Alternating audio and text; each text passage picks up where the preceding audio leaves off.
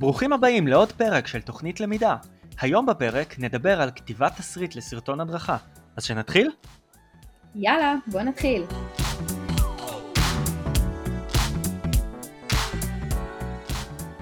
אני אלירן מאור. ואני ניצן קורן. בשנים האחרונות עולם הוידאו בהדרכה תופס תאוצה. פעם כמעט ולא היינו רואים את זה.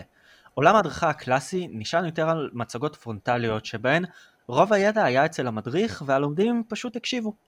לאט לאט נכנס העולם המתוקשב והלומדות התחילו לצבור תאוצה. עכשיו הלומדות הכניסו כבר משהו הרבה יותר מעניין לתחום שלנו, לתחום של הלמידה, וזה בעצם הלמידה העצמית. האחריות ללמידה עברה מהמדריך לכיוון של הלומד. וגם יש לנו פרק מעולה על ההבדל בין פיתוח הדרכה קלאסי לפיתוח הדרכה מתוקשב שאתם מוזמנים להקשיב לו. לגמרי. אז במקביל להתפתחות של פיתוח הדרכה מתוקשב, היה גם שינוי כללי בכל הנושא של הדיגיטליזציה של העולם. אז פעם התוכן שייצרנו עסק בעיקר בטקסטים, כמו נגיד פוסטים בפייסבוק. משם עברנו לשיתוף תמונות, כמו שקורה באינסטגרם, ועכשיו באמת הטרנד שאנחנו רואים הוא טרנד של וידאו, בדיוק כמו שאנחנו רואים בטיק טוק. עכשיו תחשבו על זה, למה בעצם? מה, מה היתרון של הוידאו על פני תמונות, או לצורך העניין מצגות? ניצן, מה, מה את חושבת על זה? בעיקרון הוידאו מאפשר לנו לשתף מידע יותר, כמות יותר גדולה של מידע בזמן יותר קצר. והאפשרות הזאת להציג רעיון מופשט באמצעים ויזואליים, גרפיים, אה, עוזר ללומדים שלנו לספוג את המסר שאנחנו רוצים להעביר, וזה קורה הרבה יותר מהר. לגמרי, יש את הדוגמה שעולה לי לראש, ניץ בטוח ראית, של הסרטונים אה, של Explained בנטפליקס. Mm-hmm. אגב, מי מכם שמקשיב לנו ולא ראה, לכו לראות את זה בנטפליקס, זה מעולה. Uh, הרעיון שלהם זה שהם פשוט הם מסבירים באמצעות איזושהי אינפוגרפיקה מאוד פשוטה על דברים מאוד מורכבים, כמו נגיד uh, איך עושים קעקועים, או איך אנשים עשירים משיגים את ההון שלהם, uh, העתיד של הבשר, התפשטות של מחלות, כל מיני דברים. עכשיו התוכן הזה הפך להיות כל כך מבוקש בנטפליקס, שיש להם עוד ארבע סדרות בת של Explained, שהם בכלל לוקחות את זה לעוד כל מיני דברים, כמו איך המוח עובד, וסקס, ואפילו הם עשו מיני סדרה על קורונה, אז זה, זה מטורף כאילו ה, ה, הכיוון שהם לקחו את זה. נכון, לדעתי זה כל כך הצליח כי זה לוקח רעיונות מאוד מורכבים ומפשט אותם לדברים מאוד פשוטים. אמ, תחשבו על זה, תמונה אחת שווה אלף מילים, נכון? אז למשל יש סדרה אחת שהם עשו, זה ממש מאפיין את נטפליקס הקטע הזה של לקחת איזשהו משהו מורכב ולעשות אותו פשוט וברור לכל האוכלוסייה וזה נראה לי הסיבה למה, שהם, למה הם כל כך מצליחים. אמ, יש סדרה שנקראת אמ, The Social Dilemma שהם עשו וזה עוסק במשהו באמת בנושא מאוד מורכב, אם לא ראיתם את זה אני ממליצה לכם לראות. אמ, ופשוט בהרבה חלקים של הסדרה יש ראיונות, אז כדי קצת לח, ל, לשבור את הכמות המטורפת הזאת של המלל, הם לפעמים ממחישים את מה שהאנשים מדברים עליהם אה, באמצעות כל מיני אמצעים ויזואליים, וזה ממש עוזר לכם להבין מה, על מה מדברים, בעיקר כשזה משהו מורכב יותר, או משהו קצת, או אפילו ראיתי ניסיון שלהם לחתוך כמה דברים שאנשים, אתם יודעים, למשל שאנשים לא נראים הכי טוב, או שהם לא מצטלמים מדהים, אז הם לוקחים את תשומת לב של הקהל לאיזשהו סלייד מאוד נקי ושמים עליו אמצעים ויזואליים במקום. זה גם איזשהו אה, רעיון שהם משתמשים בו, שמעניין לחשוב עליו ככה. כן, זה, זה משהו שהוא מדהים מבחינתי, בכלל העריכה הזאת. אז בעצם כן. אחרי הספתח הארוך הזה, אתם בטח כבר מבינים, סרטונים הם חלק מאוד גדול מהעתיד של עולם ההדרכה. ואנחנו לא מדברים רק על סרטוני how to פשוטים כאלה מהסוג של אה, סרטוני סמן שרואים איך לבצע פעולות במערכת. נכון, זה גם אלו סרטוני הדרכה כמובן, אבל אפשר להכין סרטונים כמו בתוכנית Explained, או סרטוני שיווק, או סרטונים על פרויקט חדש שעשינו, וזה ירים לנו לחלוטין את הוואו שאנחנו רוצים לייצר במהלך ההדרכה שלנו. ממש. אז ניצן, את ואני עושים uh, סרטונים כבר לא מעט זמן. בואי נדבר בעצם על איך אנחנו עושים את זה. נכון, אז קודם כל חשוב לנו להבין כלל בסיס uh, כשבאים לפתח תוכן הדרכה בסרטון. סרטון צריך להיות קצר, בעיניי uh, הכמות של הדקות שבן אדם יכול להיות מרוכז גם ירדה עם, עם השנים, uh, אז אם אנחנו עוברים את השלוש דקות אולי כדאי לחשוב על לחלק את הנושא לחלקים או לבחור כלי הדרכתי אחר. למה בעצם שלוש דקות אלירן? יש לך הסבר ממש טוב לזה. האמת יש לי תיאוריה, תיאוריה כאילו די מעניינת. זה ידוע שאחרי שלוש דקות אנחנו כבר מגיעים לעומס קוגנטיבי אם אנחנו רואים יותר מדי אמצעים ויזואליים. עכשיו, תחשבו כמה מידע מגיע אליכם מדקת פרסומת אחת בטלוויזיה, אנחנו יודעים שזה משהו שהוא מאוד מייגע. עכשיו תכפילו את זה בשלוש דקות שלמות של פרסומות. באיזשהו שלב כבר אין לכם כוח לראות את הפרסומות, ודבר דומה קורה עם הקשב של הלומדים שלנו בסרטונים. אחרי שלוש דקות אנחנו, תכלס אנחנו פשוט נאבד אותם. Okay, אוקיי? אבל מצד שני גם לא הכל שחור, אתם לא תאמינו כמה מידע אנחנו יכולים להציג להם בשלוש דקות בודדות. עכשיו, having said that, רוב הסרטונים שאני מכין הם סרטונים של איזה דקה וחצי או שתיים, זה, זה אפשרי, זה מעביר המון המון תוכן ואנחנו תכף נדבר על איך עושים את זה. אני גם שואפת להצליח לפתח סרטונים מספיק קצרים כמו שאתה אומר, זה לא תמיד מסתדר לי, זה נורא תלוי איזה סוג של סרטון אני מפיקה, אבל, אה, אבל כן, אני לגמרי מסכימה, לומדים מאבדים את הקשב, ואפילו אם אנחנו רוצים להשאיר את הכל בסרטון אחד, יש דרכים מתוחכמות לעשות איזשהו פאוז בין חלקים, כמו למשל לשים איזשהו אה, מסך שחור ולכתוב עליו את הנושא של החלק הבא בסרטון או משהו בסגנון הזה. אה, זה קצת יותר קשור להפקה, אבל אם אתם חושבים על זה ככה, זה ממש מחלק לכם את התסריט לכמה חלקים. זהו, אז בואי באמת נתחיל לדבר אה, בעצם על, ה, על הכתיבה עצמה של התסריט. אם אנחנו מסתכלים על זה כמו איזשהו פרויקט, יש לנו בעצם ארבעה שלבים עיקריים כשאנחנו באים לכתוב תסריט לסרטון. יש לנו את שלב המטרה, שלב פיצוח, שלב הפקה ושלב תיקוף. היום אנחנו נדבר בעיקר על שני השלבים הראשונים, על המטרה ועל הפיצוח. אוקיי, כן. השלב הראשון, כשאנחנו כותבים את התסריט, הוא לזקק בצורה הטובה ביותר את המטרה של הסרטון. כן, אנחנו צריכים לשאול את עצמנו, האם אנחנו רוצים להציג יכולות של מערכת? האם אנחנו רוצים לשווק מוצר חדש? האם אנחנו יוצאים לקראת פרויקט חדש ואנחנו רוצים uh, להלהיב ולרתום את המנהלים בארגון שלנו על זה? אנחנו חייבים לחשוב מה המטרה המדויקת של הסרטון בלי להתפזר יותר מדי. כמו שאמרנו מקודם, אין לנו יותר מדי זמן להציג הרבה תוכן, אנחנו חייבים להיות ממוקדים. כן, וזה מביא אותנו לשלב השני, שזה השלב העיקרי, זה השלב של הפיצוח. בשלב הזה אנחנו ניקח את המטרה שלנו, את מה שחשבנו בגדול, הרעיון הזה, ונחלק אותו לחלקים קטנים, שזה סצנות. וכל סצנה כזו ממחישה רעיון מסוים מהסרטון שלנו. זוכרים שאמרתי מקודם שאפשר לעשות איזה שהם פאוזות בסרטון, זה יכול להיות, זה כבר חלקים גדולים לגמרי. הסצנות הם חלקים יותר קטנים בתוך הסרטון שלנו, והם שייכים לכל היחידה הזאת של הדקה וחצי שתיים שאנחנו מצלמים. Mm-hmm. אז בואי ניקח דוגמה, בואי נחשוב למשל, אם המטרה של הסרטון שלי היא להראות את היכולות למשל של המערכת שיש לי, אז בשלב הזה בעצם אני אכתוב מה היכולות של המערכת, וכל יכולת של המערכת תהיה איזושהי סצנה. עכשיו, נשאלת השאלה כמובן כמה סצנות אני מראה כאן, והתשובה היא תלויה במורכבות של התוכן שיש לכם. יכול להיות שיש לי מערכת עם אה, עשרה יתרונות, אבל כל אחד מהם הוא משפט אחד קצר, וזה יכול לעבוד, ויכול להיות לי גם מערכת עם שלושה יתרונות, אבל כל אחד מהם הוא יתרון יחסית גדול שאני צריך להרחיב עליו, וזה ייקח ממני נגיד חצי דקה מתוך הסרטון, שזה נחשב יחסית הרבה. אז אני תמיד צריך לשים את הדברים האלה מול העיניים. כן, זה נכון, גם מה שאתה אומר כאן זה עיקרון מאוד חשוב. התוכן שאתה כותב ב... בסרטון, אנחנו לא יכולים לכמת אותו בצורה כזאת שטוחה, אנחנו צריכים לחשוב ממש מה, מה יש בתוך התוכן הזה, מה כל משפט כזה הולך להגיד לי.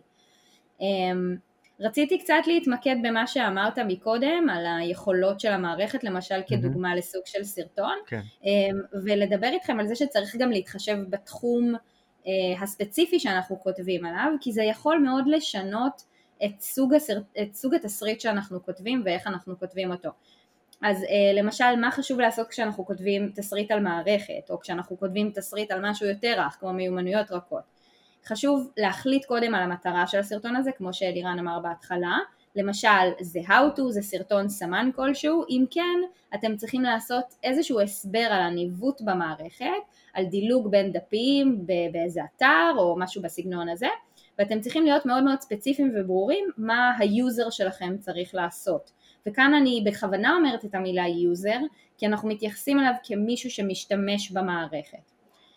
אבל אם אתם כותבים למשל סרטון שהוא קצת יותר כדי לענות על צורך של שיפור ביצועים, או סרטון על רגולציה, או איך אתם רוצים שהלומדים יתנהגו בתחום מסוים, או מה הם אמורים לעשות במצב מסוים, כאן חשוב להציג ללומד את המצב הנוכחי ואיך הוא צריך להגיב, עם דוגמאות רצוי, שמאוד עוזרות לנו להמחיש מצבים, במיוחד אם הם פחות מוכרים ללומד שלנו, וכאן אני בכוונה אומרת לומד, כי הוא צריך ללמוד אה, לבצע איזושהי פעולה קצת יותר מורכבת גם קוגנטיבית ולא רק לעקוב אחרי העכבר, אוקיי? אז גם סוג התסריט אה, יתייחס ללומד אה, כאדם שמבצע איזה שהן פעולות יותר מורכבות חשיבתית אה, וכמובן שזה ישפיע על איך שאתם מנסחים את מה שאתם מתכוונים להראות לו. יכול להיות למשל שאתם משתמשים בכל מיני מונחים מקצועיים, תמיד תזכרו להסביר אותם, לפשט אותם, צאו מנקודת הנחה שהלומדים שלכם לא מכירים אה, את הדברים שאתם מדברים עליהם ותמיד תנסו להסביר יותר מאשר להסביר פחות. לגמרי. עכשיו, אם כבר אנחנו מרחיבים על כל הנושא הזה של אה, כתיבת התסריט אה, עצמו ובעצם השלב של הפיצוח, משהו שאני מאוד אוהב לעשות בשלב הזה זה לפתוח איזשהו קובץ וורד או קובץ אקסל וממש להוסיף שם טבלה שבטבלה הזאת יש שלוש עמודות. עמודה ראשונה תהיה מה שומעים, שבעמודה הזאת בעצם אני אכתוב את הקריינות אה, אה, אם יש לי תקציב לזה, אוקיי? כמובן. עכשיו, טיפ שלי, תשיגו תקציב לזה, אתם לא מבינים כמה זה ישפר לכם את, ה, את הסרטונים. בטירוף, כן. ממש. אה, אז העמודה הראשונה אה, זה הקריינות, זה מה שומעים. עמודה שנייה זה מה הטקסט שיופיע על המסך. אוקיי? יכול להיות שתרצו להוסיף כתוביות, אה, וזה משהו שהוא חשוב לכתוב כאן, מה, מה יהיה בכתוביות. Okay, יכול להיות שבנוסף לכתוביות תרצו להוסיף uh, כותרת או טקסטים או כל מיני דברים שיופיעו על המסך עצמו uh, כמו מילות מפתח או שמות של דמויות uh, וכולי וכולי וכולי. כל הדברים האלה כותבים בעמודה השנייה של הטקסט על המסך. ועמודה שלישית שלדעתי היא העמודה הכי חשובה היא מה רואים? כאן נמצא כל הכיף כאן נמצא כל הפאן okay, אוקיי? בעמודה הזאת אתם מתחילים לדמיין מה אתם רוצים לראות ברגע שאתם שומעים את המשפט שכתבתם בטור הראשון עכשיו, אם אתם חדשים בעולם הזה של הסרטונים, ההמלצה שלי היא לעבוד על כל טור בנפרד. זאת אומרת, קודם כל תכתבו את הקריינות, שהיא בתכלס הקווים המנחים של הסרטון שלכם, אחר כך תכתבו את הטקסט שיופיע על גבי הסרטון, ואז זה בעצם מה שיוכל לעזור ולגשר ולדמיין כבר מה אתם רואים על הסרטון עצמו, שזה בעצם הטור השלישי. עכשיו, מה שחשוב לזכור אה, זה שהעמודה השלישית היא למעשה ההנחיות של ההפקה. כאן תרגישו חופשי לחפור, כמו שניצן אמרה, תכתבו, אוקיי? Okay, תכתבו בפירוט את הרעיון הוויזואלי שיש לכם בראש ותנסו לתרגם אותו בצורה הכי ברורה. אוקיי? Okay, איזשהו קו מנחה שמאוד יכול לעזור לכם, אה, זה שתנסו תמיד לחשוב, אם מישהו אחר שלא מכיר את התסריט שלכם מקבל את המסמך הזה וקורא, הוא יוכל להבין הכל, הוא היא, הם יוכלו להבין הכל רק מלקרוא את הטבלה הזאת. אז קחו את הזמן, תשקיעו בחלק הזה, אחר כך אתם תראו איך כתיבה נכונה של התסריט תוכל מאוד לעזור לכם בשלב של ההפקה. כן, ואם כבר דיברנו על באמת הקובץ הזה שהוא מכיל את כל המידע הסופר חשוב הזה, אני רוצה טיפה לדבר על הניהול גרסאות. אמ, שמירה של מסמכים בתיקיות וניהול של קבצים זה דבר שיכול מאוד מאוד לסרבל את העבודה שלנו וגם את העבודה שלנו עם אנשים ובמיוחד את העבודה שלנו לאורך זמן. אנחנו רואים את ההשפעות של זה במיוחד כשאנחנו מתחילים לשלוח את הקובץ לעריכה לשונית או אולי לסבב של ריוויו עם אה, מנהל או מומחה תוכן. ובנוסף אחרי שהפרויקט כבר קיים והסרטון מוכן אנחנו יכולים להגיע למצב שאנחנו צריכים לערוך את התוכן, להוסיף או לשנות משהו או רק חלק קטן בסרטון שאנחנו רוצים טיפה לשפצר אז איך באמת אנחנו יכולים לנהל את זה לדוגמה מול הנרייטור או כדי לזכור מה עשינו בעוד שנה כשאנחנו צריכים לערוך את מה, ש, מה שיצרנו כאן. נית, אז... את אומרת נרייטור, למה את מתכוונת? לקריין, קריין ש, שהולך לקריין לי בעצם את, ה, את הטקסט הזה, מה שאני, מה שאני הולכת לשמוע בסרטון. אמ, דוגמה למשהו שאני, שאני עושה למשל, אה, זה לראות מה בדיוק אני משנה בתוך התסריט ואז אני משנה אה, חלקים מסוימים בתסריט וצובעת אותם בצבע אדום או מדגישה אותם, אה, זה בעבודה מול הנרייטורית. אה, ומבקשת ממנה להקליט רק את החלקים האדומים, או נגיד לעבור, אם אני עוברת עם עריכה לשונית, אני מבקשת מהעורך הלשוני לעבור רק על החלקים האדומים ולא על כל התסריט, כי תכלס כל שאר התסריט אני לא הולכת לגעת בו. יש עוד כל מיני דרכים לעשות את זה, לירן, אני חושבת שאתה לא עושה את זה ככה, מה אתה עושה? זהו, אז מה שאני עושה, אני עובד בצורה טיפה שונה. אני אוהב לפתוח טבלה חדשה, ושם אני אוהב לכתוב את השנייה הספציפית שאני רוצה לעשות את השינוי, ואז לכתוב על זה את התוספת, בין אם זה תוספת של אה, טקסט, או של מה שרואים, או של מה ששומעים. והסיבה שאני עושה את זה, זה כי אחר כך זה מגיע למפיק, או אחר כך אני מפיק את זה, ואז בעצם יש סוג של רשימת מכולת כזאת, שאפשר להסתכל על הסרטון המקורי, לראות באיזה שנייה צריך לעשות את השינוי, ואז להתחיל לעשות את השינוי מאותה נקודה. עכשיו, הסיבה שבתיקופים, בגרסאות אחר כך אני כותב את השנייה הספציפית הזאת, זה כי אם אני אסתכל על הסרטון עצמו ואני אתחיל לערוך אותו מהשניות עצמן בסרטון המקורי בקובץ עריכה, מהר מאוד אני יכול לאבד את הנקודות ייחוס האלה. אז אני תמיד כותב את השניות שלי ביחס לסרטון שאני מסתכל עליו, ואחר כך הרבה הרבה יותר קל לערוך את זה. כן, רעיון טוב, אני, אני אחשוב על לאמץ את זה. ממש אה, למידת אמיתי מה שאנחנו עושים. ממש. אמ, אז בכל מקרה, שני דברים שחשוב uh, uh, לזכור ברגע שאתם uh, בכלל כותבים uh, תסריטים. Uh, אין שום קשר בין אורך התסריט שכתבתם לבין אורך הוידאו עצמו. יכול להיות לכם תסריט של שלושה עמודים, ארבעה עמודים, חמישה עמודים, שכל האורך של הסרטון הסופי הוא סך הכל דקה. וזה נוצר רק כי פירטתם כמו שצריך, פירטתם בהרחבה בעמודה של מה רואים, זה בסדר. אוקיי, okay, דבר שני תזכרו, התסריט שאתם כותבים לסרטון הוא אף פעם לא תסריט סופי. יכול להיות שבשלב ההפקה יגיעו עוד רעיונות, במיוחד אם אתם אלה גם שמפיקים את הסרטון. ככל שאתם תאבדו את זה בעין, תאבדו את זה יותר בראש, יכול להיות שאתם תתחילו לחשוב על עוד כיוונים לאותו רעיון, וזה בסדר, זה משהו שהוא טבעי וזה חלק מהתהליך. נכון, אתה נוגע כאן בנקודה חשובה, אמ, שבעצם אני חושבת, זה גם המלצה שלך, תגיד לי אם זה נכון או לא, לא, לא לגשת בעצם לשלב של ההפקה, שזה אחד מהשלבים, אחד מהתתי שלבים של אה, תהליך ההפקה, זה בעצם להקליט כבר את הקריינות. Mm-hmm. אז אה, לא לגשת לשלב הזה לפני שאתם בטוחים שיש לכם את כל מה שאתם צריכים אה, בשביל, בשביל בעצם שהסרטון ייראה כמו שציפיתם. כי באמת יכול להיות שטעיתם במשהו בתסריט ותצטרכו לתקן את זה ותראו את זה רק כשתצלמו את הוידאו. אז, אז באמת לא, אל, אל תקדימו את עצמכם, תחכו עד הסוף עם הקריינות למרות שזה מאוד מפתה. Mm-hmm. חשוב גם להכיר את הכלי שאתם מפיקים אה, איתו את הסרטון, גם אם אתם לא מפיקים בעצמכם, עדיין חשוב שתכירו את היכולות של הכלי, זה קשור גם לכלי שאיתו אתם מצלמים וגם את הכלי שאתם מצלמים אותו.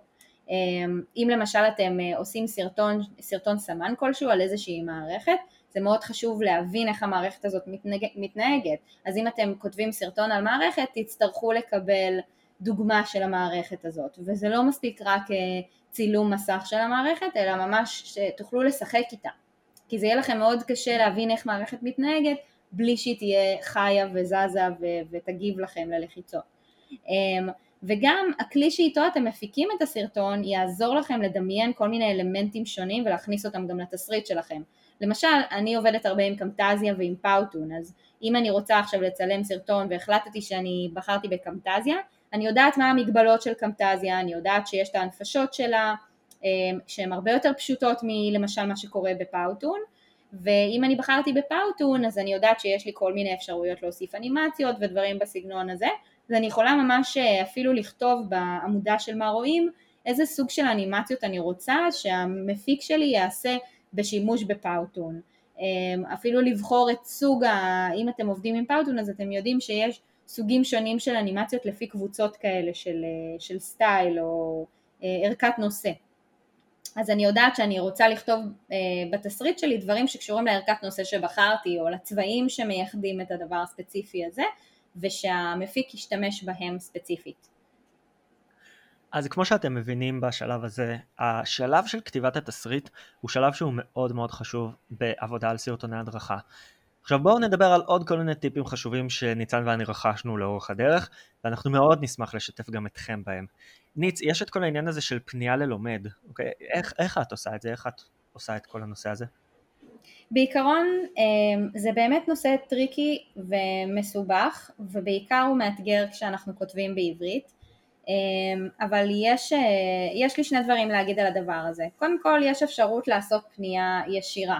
אמ, לדוגמה אם אני מפיקה, אה, אם הרעיון שלי זה ליצור איזשהו סרטון של אה, סרטון סמן, לצלם משהו על מערכת, אז אני תמיד משתמשת בפנייה ישירה ללומד, ליוזר, למשתמש.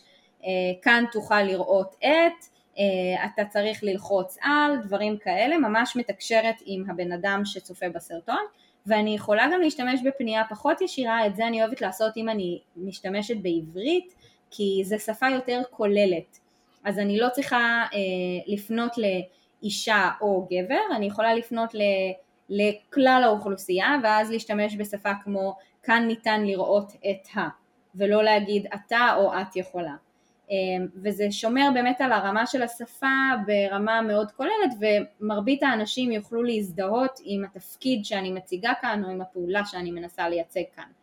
אמ, תחשבו מה קריטי לכם, מי הקהל שלכם ואם אתם באמת כותבים בעברית אז תנסו באמת להיות פחות מגדריים מאיך שאנחנו מדברים. לפעמים אפילו בפודקאסט אני מרגישה שאני משתמשת באיזשהו מגדר מסוים וכשאני שומעת את זה אחר כך אני מבינה כמה הדבר הזה חקוק עמוק בתוך הניסיון שלי בשימוש בשפה העברית, אין מה לעשות, זה, זה בעיות שיש לנו בשפה שלנו ואנחנו צריכים להיות מודעים אליהם, אז אם אנחנו עושים הדרכות, מאוד חשוב שננסה טיפה לשבור את כל הסיטואציות האלה, אמ, אבל תתייעצו גם עם אנשים, תתייעצו עם הלקוח שלכם, אם זה הפקה בשביל מישהו שהוא לא החברה שאתם עובדים בה, או עם המנהל, או עם מפתחי הדרכה שעובדים איתכם, תנסו לראות אם הדבר הזה שיצרתם הוא מאוד מאוד מגדרי בצורה שאתם פונים ואם זה לא נראה מוזר אה, להשתמש במגדר אחד או, או בכל המגדרים ביחד והדבר הכי טוב זה לנסות פשוט לכלול את כולם אז או להשתמש בשפה שהיא לא פנייה ישירה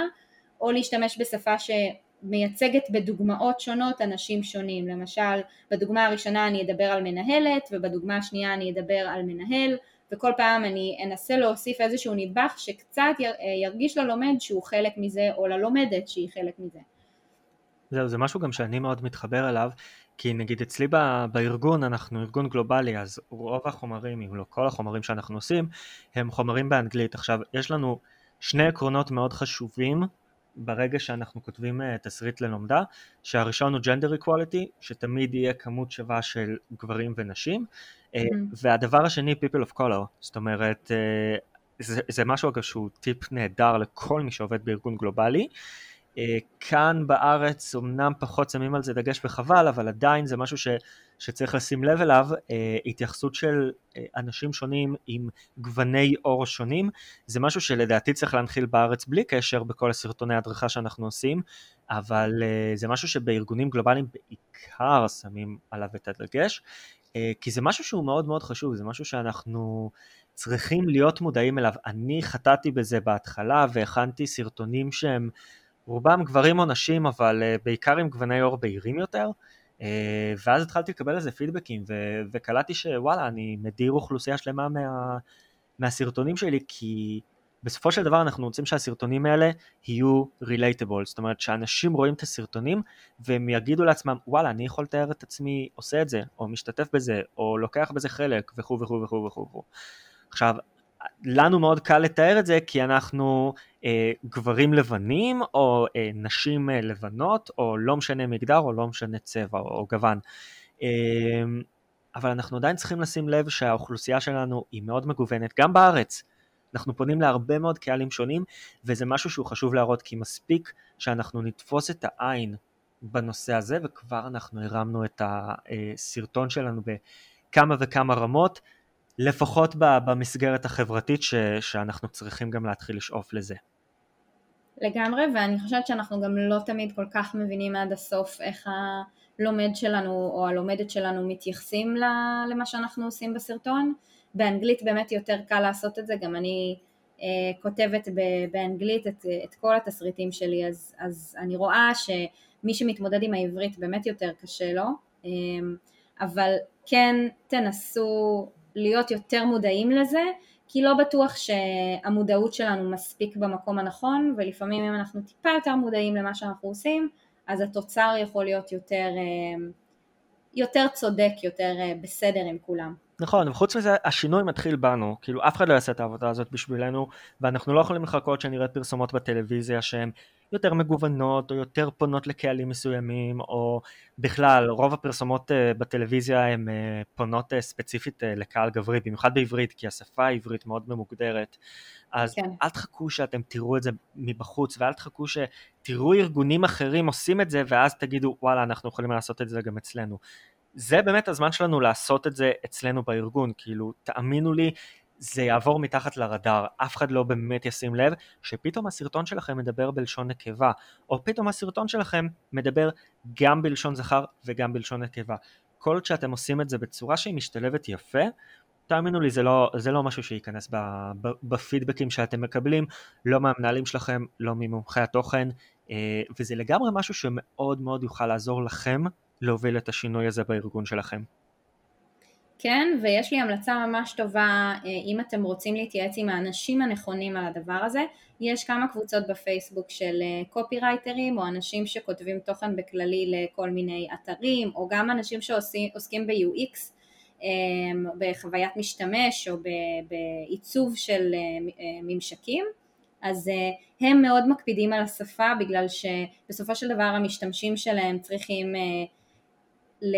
זאת אומרת הממשק צריך להיות מאוד אה, מתאים למשתמשים מסוימים וככה זה גם יכול למשוך קהלי יעד שונים, אז למשל הם השתמשו בשפה שהיא לא מגדרית בכוונה אמ, והייתי מצטרפת לקבוצות האלה בפייסבוק, קבוצה אחת שאני יכולה לחשוב עליה עכשיו זה מיקרו קופי. יואו, בדיוק גם רציתי להגיד את זה. אז, אז כן, אז יש עוד כאלה, אה, אם זה מעניין אתכם אז תשאלו אותנו ואנחנו בכיף אה, נשתף אתכם בעוד דוגמאות כאלה. מהמם. אוקיי, כן, זה, אהבתי את הדיון הזה, זה חשוב. מאוד מאוד חשוב. אמ, עם מי אנחנו עובדים, אה, זה עוד נקודה חשובה שאני רוצה טיפה לדבר עליה, כי כבר נגענו בזה קצת. אה, תקפידו לשמור באמת על ההבדל בין התוכן של הסרטון לבין התוכן שאתם מספקים למי שעובד איתכם, לא רק בשבילכם, אלא גם בשביל הבן אדם הזה שאחר כך קורא את התוכן, אלירן אמר את זה מקודם, שהטבלה הזאת שאתם מפיקים צריכה להיות ברורה לבן אדם הזה שעובד איתכם. אבל אני רוצה להתייחס לזה בעוד אה, מאוד אה, אה, כיוון. אם אתם למשל עובדים עם קריין או קריינית ו... ואתם מבקשים מהקריינית להקליט את הסרטון הזה, אז לפעמים לקריינית יהיו כל מיני בקשות מאוד ספציפיות של איך היא רוצה לקבל תסריט בשביל להקריא אותו.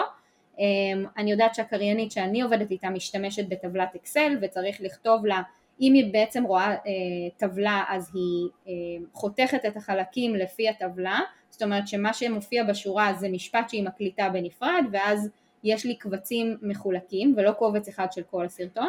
וזה מאוד חשוב אחר כך לחלקים של ההפקה. אז תשאלו את הקריינית או הקריין שאתם עובדים איתם איך הם עובדים ותנסו לקבל מהם את הפידבק אם אתם מביאים להם את התוצרים בצורה שמתאימה לאיך שהם עובדים או לא כי זה מאוד מייעל את העבודה וזה עושה חיים קלים לכולם. לגמרי. לגמרי. הדבר האחרון שאנחנו רוצים אה, לדבר עליו היום זה בעצם על עריכה לשונית. זאת אומרת, כתבנו את הכל, יש לנו את הסרטון, את התסריט, את מה שאנחנו רוצים להוציא לקריינות, איך זה נראה, וטקסטים והכל. והשאלה בעצם שנשאלת זה האם אני צריך עריכה לשונית כן או לא. אז לפחות לפי מה שאנחנו חושבים, עריכה לשונית זה משהו שהוא מאוד מאוד מאוד חשוב, אה, לא רק אם אתם לא בטוחים ברמת הכתיבה שלכם, אלא גם זה משהו שאמור לעזור לכם לדייק את רמת הסרטון שלכם. אוקיי? היום אנחנו לא באמת חייבים שאיזשהו עורך אה, לשוני פר סי יעבור על הסרטון, אלא מספיק שתיתנו את התסריט למומחי התוכן שלכם, שיעבור על הסרטון, שיגיד אם פספסתם משהו, אם טעיתם משהו, אם לא דייקתם באיזשהו נושא טכני כזה או אחר. וגם בנוסף, אם אתם עובדים באנגלית, שזה גם משהו שמאפיין לא מעט מפתחי הדרכה, אמ, אנחנו עובדים, ניצן ואני כבר שנים עם גרמרלי, שגרמרלי יש לו את הגרסה החינמית בווב, אני קניתי את הרישיון לגרמרלי וזה לחלוטין שווה את הכסף. ניצן, אני חושב שגם את קנית הרישיון, נכון? אני קניתי, כן, יש לי את הרישיון כבר שנתיים, אני ממש ממש מרוצה. זה אמנם השקעה כספית, אבל זה באמת שווה את זה. זה השקעה כספית, אבל תכלס ה-value for money של זה, לפחות כן. שאני חושב, כאילו זה priceless, אתם פשוט, אתם לא מבינים איך זה התחיל לשדרג את השפה שלכם, אה, באנגלית כמובן, אה, ובכלל ההרחבה של זה אה, מאפשרת לכם לא רק לערוך אה, אה, קבצים כאילו אונליין, אתם יכולים גם אה, אה, להוריד Grammarly ל Office, ואז כל מייל שאתם כותבים, כל Word, כל PowerPoint, הדברים האלה, יהיה לכם את החיזוק של Grammarly, וזה מאוד מאוד מאוד יכול לעזור לכם לדייק את השפה שלכם. אגב, אני יכולה להגיד שיש עוד שני סוגים של עורכים לשוניים כאלה שהם דווקא בחינם, כן, אחד זה Hemingway Editor, שזה עוזר מאוד בקטע של, זה דווקא מאוד עוזר לכתיבה של תסריטים, כי זה צריך, בתסריטים צריכים להיות משפטים מאוד קצרים וממוקדים, אז אה, מה שהעורך הזה יודע לעשות זה להסתכל ולהגיד לכם כמה המשפט ברור או לא ברור לקהל כללי או משהו כזה, nice. אז בעצם הוא עוזר לכם לקצר עם צבעים, אה, זה עם דוגמה צבעים? אחת, צבעים, כן. אה, לא, לא, מהפודקאסט, זה לא יפה שאני מגלה על זה רק עכשיו. כי רק עכשיו חשבתי על זה, נשבעת לך. אמרת לי עם צבעים, זהו, נדלקו לי העיניים. כן, לא, זה ממש חמוד, כי הוא מראה לך נגיד צבע אדום זה המשפט שלך ממש לא טוב, וצבע ירוק זה המשפט ממש מצוין, והוא נותן לך ציון לפי מה שאתה עושה. אמ, אז משפטי, הוא כאילו זה באנגלית נקרא uh, overly wordy או משהו כזה, uh, משפטים שהם ארוכים מדי, יש יותר מדי מילות תיאור או דברים בסגנון הזה, זה בעיניי משהו שמאוד רלוונטי לתחום של nice. הדרכה. Mm-hmm. ועורך לשוני נוסף שהוא די חדש, אתה מכיר תזאורוס שאפשר למצוא, מיל... אז, אז תזאורוס זה אתר שמאפשר לכם למצוא אמ, מילים, נרדפ, מילים נרדפות למילים באנגלית ואני משתמש בזה מלא אז אתם יכולים, יש להם עכשיו עורך לשוני חדש שהם הוציאו, הם גם עשו עיצוב חדש לאתר שלהם, אז אה, אם אתם מכירים תיכנסו לראות, זה חמוד. נראה לי שכדאי שנשים לכם אה, לינקים לדברים האלה ותבדקו בעצמכם מה עובד לכם הכי טוב. זהו, אז נראה לי נתנו המון המון המון מידע בחצי שעה האחרונה. Um, כמובן שיש עוד על מה לדבר, אבל אני חושב שעברנו על עיקרי הדברים uh, שאתם צריכים לקבל ברגע שאתם יושבים לכתוב תסריט לסרטון.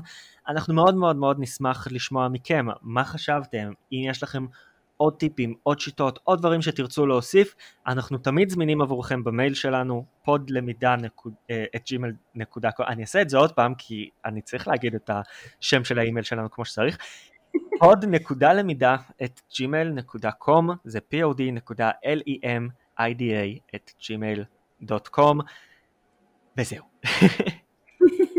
אוקיי, okay, אז uh, ניצן, נראה לי נעבור לחומר טוב? יאללה, חומר טוב. יאללה, חומר טוב. טוב, אז היום בפינת חומר טוב, כמו שאמרנו ממש לפני שתי דקות, נשים לכם אה, לינקים לגרמרלי ולעוד סוגים של אורחים לשוניים. אה, כל אחד מהם אגב יודע לעשות משהו טיפה שונה, אני ממליצה באמת לעבוד עם כמה, לא רק עם אחד. והקישור השני שנשים לכם בחומר טוב אה, זה מאגר של אודיו, מאגר של קבצי שמע, אה, שאפשר למצוא ביוטיוב, זה משהו שהוא זמין לכולם, והאודיו האלה הם אודיו שהם רויאלטי פרי, זאת אומרת אתם יכולים לקחת אותם ולשים בסרטונים שלכם בלי שימוש בזכויות יוצרים, שזה נהדר כי יש להם שם אה, מאגר מטורף של אודיו. איזה מגניב. לגמרי. טוב, אז uh, תודה שהקשבתם לנו ונחכה לכם בפרק הבא. נחכה בפרק הבא, שיהיה חג סוכות שמח. חג שמח. ביי ביי. ביי.